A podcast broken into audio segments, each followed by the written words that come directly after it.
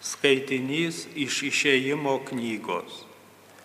Anomis dienomis žmonės troško be vandens ir murmėjo prieš Mozę, sakydami, nejau išvedei iš Egipto troškulių nužudyti mus ir mūsų vaikus ir mūsų galvijus.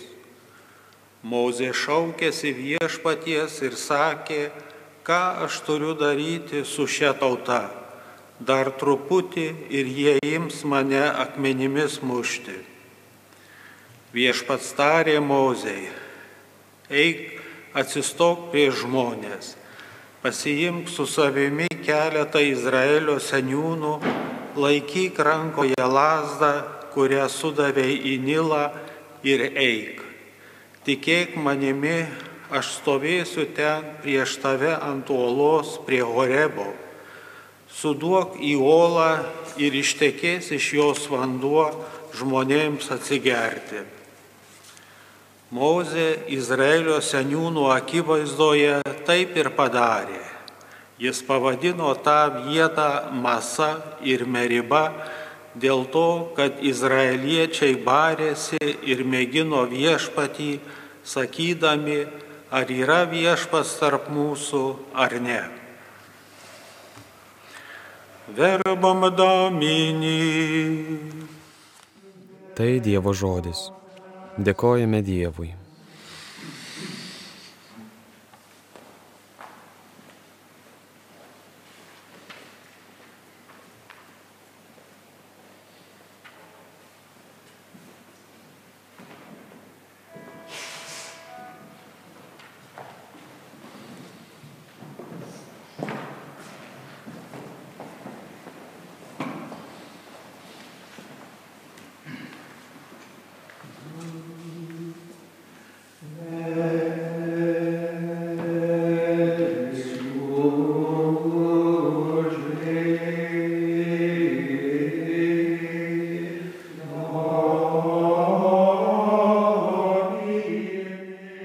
Pakilk viešpatie, neleisk mirtingajam paimti viršų, te būna tautos teisiamos tavo akivaizdoje. Tau pasirodžius mano priešai traukiasi, parpuola ir miršta.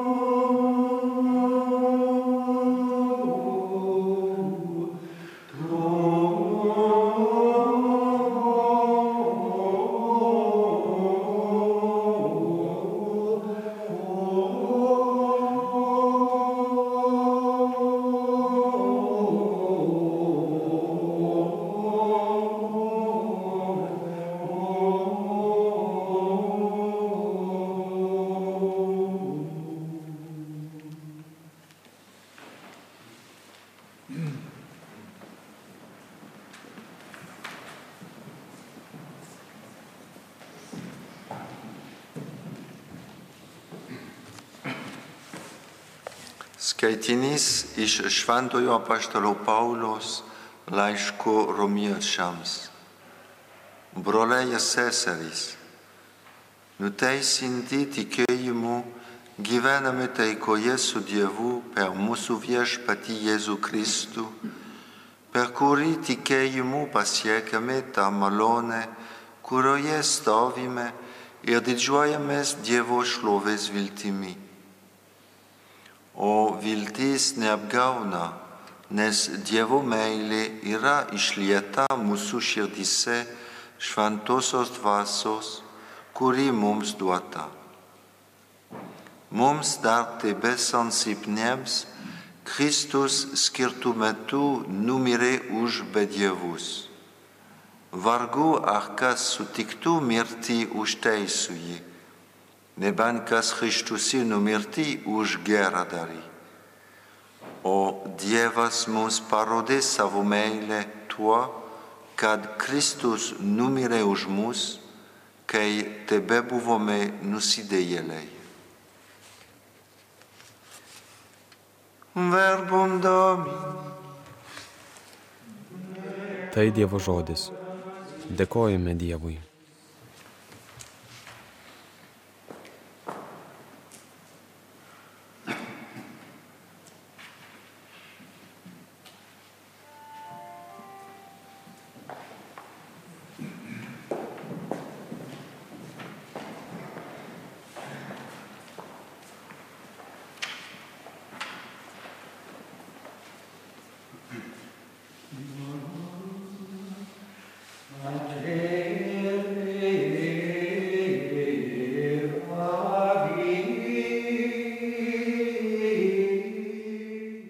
Tave mano akis pakeltos, į tave, kurisai dangaus sostė sėdi. Kaip akis tarnų žvelgia į šeimininko ranką, o akis tarnaitės į ranką šeimininkės, taip mes žvelgiame į viešpatį, mūsų Dievą, laukdami, kad pasigailėtų. Pasigailėk mūsų viešpatie, pasigailėki mūsų.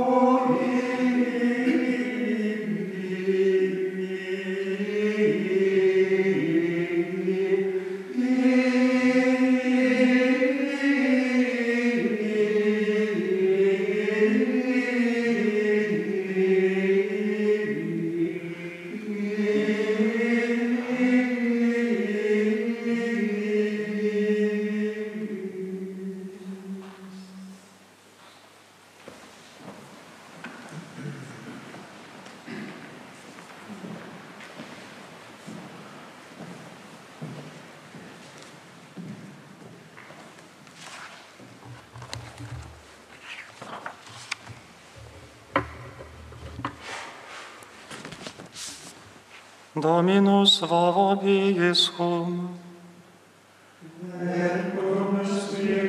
Viešpat su jumis.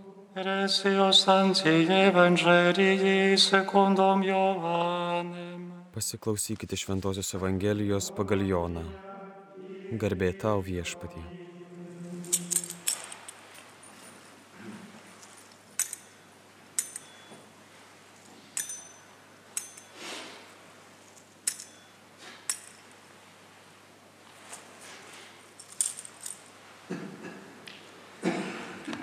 Anu metu Jėzus užsuko į Samarijos miestą vadinamą Sicharu, netoli nuo lauko, kurį Jokūbas buvo davęs savo sūnų Jozapui. Tenai buvo Jokūbo šulinys.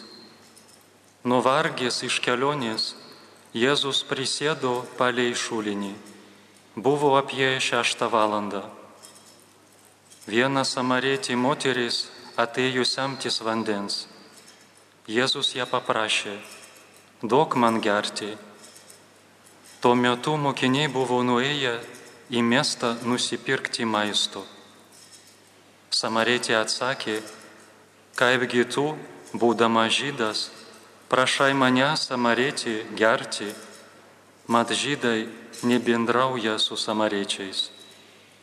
Jėzus jai tarė, jei tu pažintum Dievo dovaną, ir kas yra tas, kuris tave prašo, duok man gerti, rasi pati būtum jį prašusi ir jis tavo būtų gyvojo vandens davęs.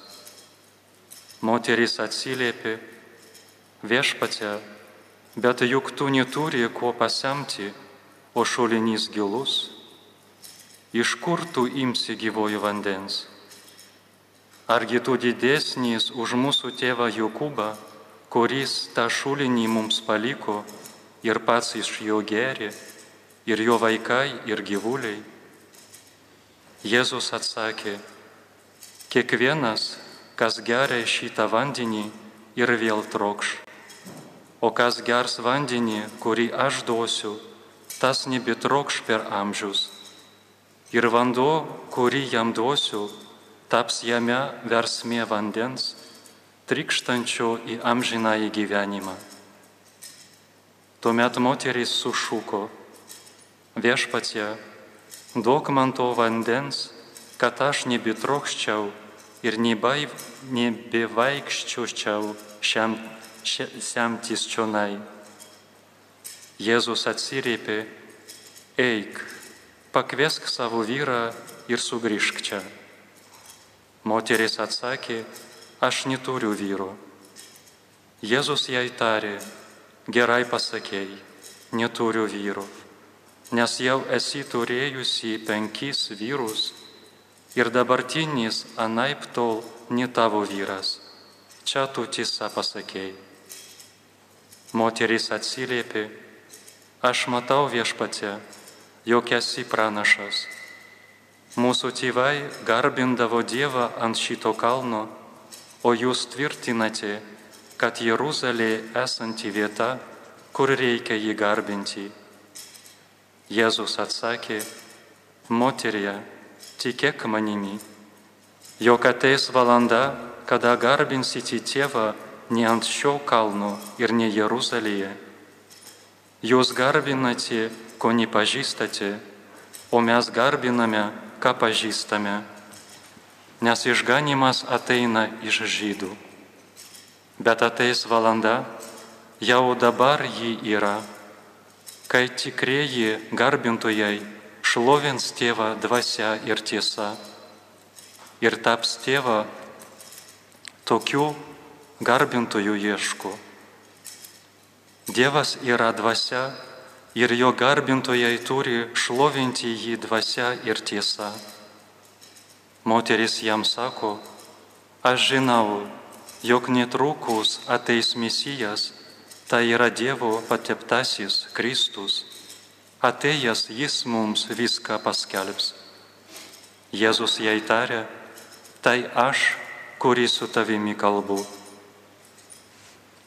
Tuo metu sugrįžo jo mokiniai ir nusistebėjo, kad jis šnekučioja su moterimi.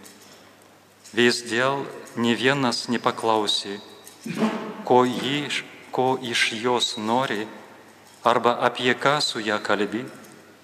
O moteris palikusi asoti nubėgo į miestą ir apskelbė žmonėms, eikite pažiūrėti žmogaus, kuris pasakė man viską, ką esu padarusi. Ar tik jis nebus misijas? Ir žmonės iš miesto ėjo pas jį. Tuo tarpu mokiniai ėmė raginti, rabi, pasistiprink, o jis atsiliepė, aš turiu valgyti ma maisto, kurio jūs nežinote. Tada mokiniai pradėjo vienas kitą klausinėti, nejaugi kas atnešė jam valgyti, bet Jėzus tarė, mano maistas vykdyti valią to, kuris mane siunti ir baigti jo darbą. Argi jūs nesakote, dar keturi mėnesiai ir ateis pjūtis? Štai sakau jums, pakelkite akis ir pažiūrėkite į laukus. Jie jau boloja ir prinokė pjūčiai. Jau pjūvėjas uždarbį gauna ir renkasi vaisių amžinajam gyvenimui, kad lygiai džiaugtųsi sijėjas ir pjūvėjas. Teisingai prie žodį sako, vienas pasėja, kitas nupjauna. Aš pasiunčiau jūs nuimti derliaus ir kurį jūs neįdėjote darbo. Kiti pasidarbavo, o jūs įstojate į jų darbą. Daug samari, samariečių iš ano miesto įtikėjo Jėzų dėl moters liudijimo Jis man pasakė viską, ką esu padarusi. Atėję samariečiai prašė jį pasilikti pas jos ir jis ten pasiliko dvi dienas. Dar daugiau žmonių įtikėjo dėl jo pamokslų. O moteriai jie pasakė, dabar mes tikime ne dėl tavo šnekos. Mes patys išgirdome ir žinome, kad jis iš tiesų yra pasaulio išganytojas.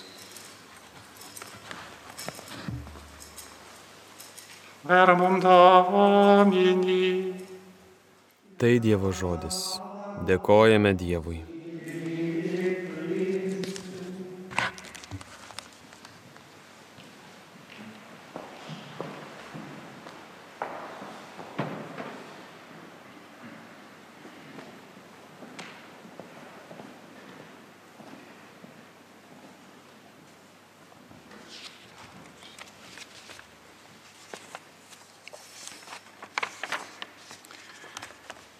Duok man gyvojo vandens, kad aš nebetrokščiau. Brangus broliai ir seserys, šios sekmadienio mišių skaitiniuose pasakojamos dvi istorijos apie vandenį kaip gyvybės šaltinį. Vanduo mums yra būtinas, tai akivaizdu. Be jo žemėje nebūtų gyvybės. Ką tik girdėtas skaitinys iš išeimo knygos mums aiškiai parodo žmonių nuotaikas ir elgesį, kai pristinga vandens ir juos kamuoja troškulys. Tauta niurnėjo ant Mozės ir jam priekaištavo, kuriųgi galų čia mus atvedė iš Egipto. Dievas išvedė savo tautą iš Egipto vergovės ir ne vienas iki jai paliudijo savo artumą ir išskirtinį dėmesį. Tačiau nepaisant visų gautų malonių ir regėtų ženklų, žmonėms sunku su pasitikėjimu pasivesti Dievui. Trumpas išmėginimas tarsi paralyžiuoja atmintį ir visas teigiamas praeities patirtis. Iškart suabejojama pasirinkto kelio teisingumu ir pastangų prasmingumu. Taip dažnai nutinka ir mums. Vos tik mūsų geroviai ir pusiausvyrai iškyla pavojus, vos tik atsidūrėme krizinėje situacijoje, esame linkę manyti, kad pasukome neteisingų kelių.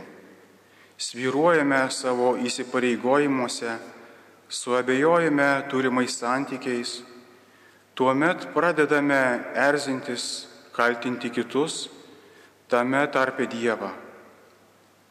Tolimesnė istorija su žydų tauta dykumoje parodo, kad viešpats niekada nenustoja rūpintis. O jeigu tariama ir atsitraukia, tai tik didesniai žmogaus dvasiniai pažangai. Dievas nepavarksta nuo jam sviedžiamų kaltinimų, bet ir toliau lieka ištikimas ir keliauja šalia kiekvieno žmogaus, prisitaikydamas prie jo žingsnio. Vis dėlto žydų tautos troškulys dykumoje atskleidžia ir kitokio pobūdžio troškulį, apie kurį kalba šiandienos Evangelija. Iš ties tai palaimos gyvenimo pilnatvės troškimas. Šis troškimas yra taip įskiepytas žmogaus prigimtyje, jog jis yra kiekvieno mūsų laisvo veiksmo varomoji jėga. Iš ties visą, ką mes darome ar pasirenkame, tai mes atliekame siekdami gėrio, tikro ar tariamo, o už to slypi tobulos palaimos troškimas. Dievas taip pat turi troškulį. Dvipusis dvasinis troškulys, iš vienos pusės Dievo troškimas žmogaus išganimo ir iš kitos žmogaus troškimas palaimos, atsiskleidžia Jėzaus susitikime su samarietė moterimi. Vienas anegdotas kelbė, jeigu vyras nori turėti gražią, protingą, mokančią gaminti žmoną, tuomet jam reikės vesti tris kartus. Argi ne kažkas analogiško nutiko ir tos samarietės moters gyvenime? Iš Evangelijos sužinome, kad ji gyveno jau su šeštu vyru. Akivaizdu, kad jos gyvenimas buvo nuolatinė drama, nusita ieškojimų ir nusivylimų. Savo nepastovumu, negebėjimu ar nenoru priimti tikrovės ir troškimu vis bėgti kitur, ji labai panašiai į šių laikinį žmogų. Vis dėlto už visų tos moters nenuilstamų paieškų glūdė įgimtas palaimos troškimas. Jok žmogus negali būti peikiamas už tai, kad nori būti laimingas ir siekia laimės. Ne ta moteris samarietė. Mes galime spręsti tik apie tai, ką konkrečiai žmogus laiko savo palaimą ir kokias priemonės pasitelkia jai pasiekti. Nežiūrint to, ta moteris samarietė neturėjo geros reputacijos savo miesto gyventojų akise. Apie tai liudyja tas faktas, kad ji išėjo semtis vandens ne anksti ryte, kaip tai darydavo visos to miestelio moterys, bet apie vidudienį, pačią karščiausią dienos valandą, būdama tikra, kad prie šulinio nesutiks ne vieno žmogaus. Mat jai buvo kur kas lengviau pakelti saulės kaitrą, nei kitų žmonių smerkiančių žvilgsnius ir aštrius liežuvius. Žmogiškai žiūrint, tikimybė buvo menka, kad samarietė moteris ką nors sutiks prie to šulinio, o juo labiau patį pasaulio išganytoją. Ir vis dėlto įvyksta tas stebuklingas susitikimas. Galbūt šį netikėtą susitikimą paaiškino Jėzaus žodžiai. Žmogaus sūnus atėjo ieškoti ir gelbėti, kas buvo pražuvę. Ta pat paliudyja ir apaštalo Paulių žodžiai, kurie dar labiau pabrėžia paties Dievo iniciatyvą be iš ankstinių mūsų nuopelnų.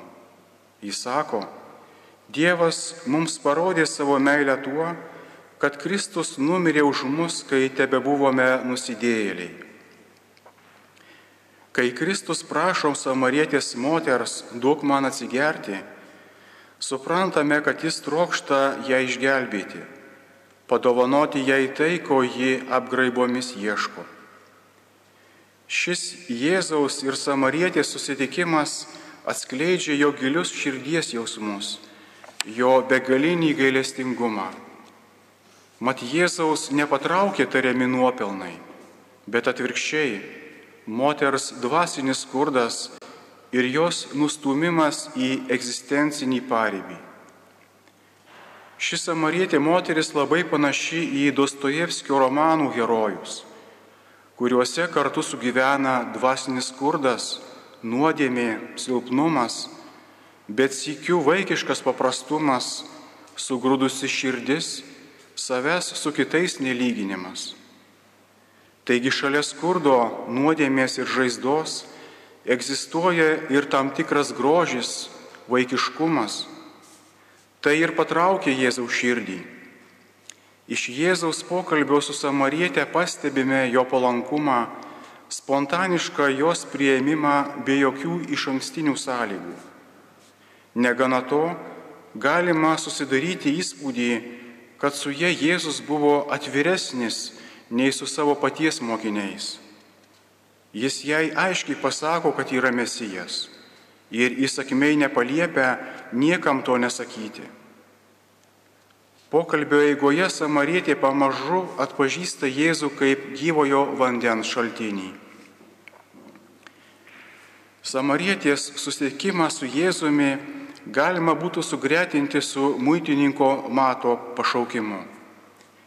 Būdamas muitininkas, Matas priklausė kraštutinių nusidėjėlių kategorijai ir buvo visų niekinamas. Vis dėlto Jėzus nepaisė šio neigiamo žmonių vertinimo ir Matą padarė savo mokiniu bei apaštalu. Mato pašaukimo scenoje matome, kad jis viską palikęs nusekė Jėzų. Taip ir susitikimo su Samarietė atveju galima kalbėti apie samarietės pašaukimą tapti apaštalę.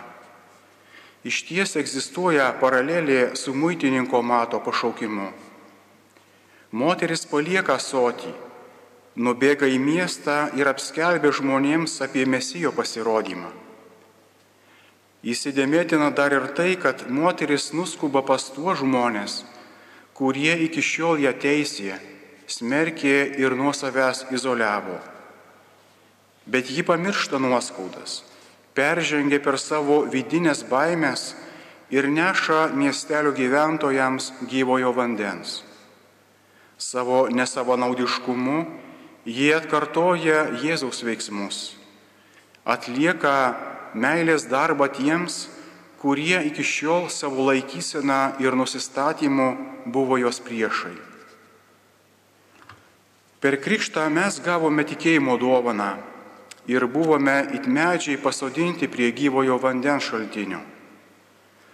Kartais dėl žmogiško silpnumo ir dėl pasaulio vilionių mes galime pamiršti šį gyvojo vandens šaltinį savo dykumoje ir ieškoti pakaitalų gyvajam vandeniui.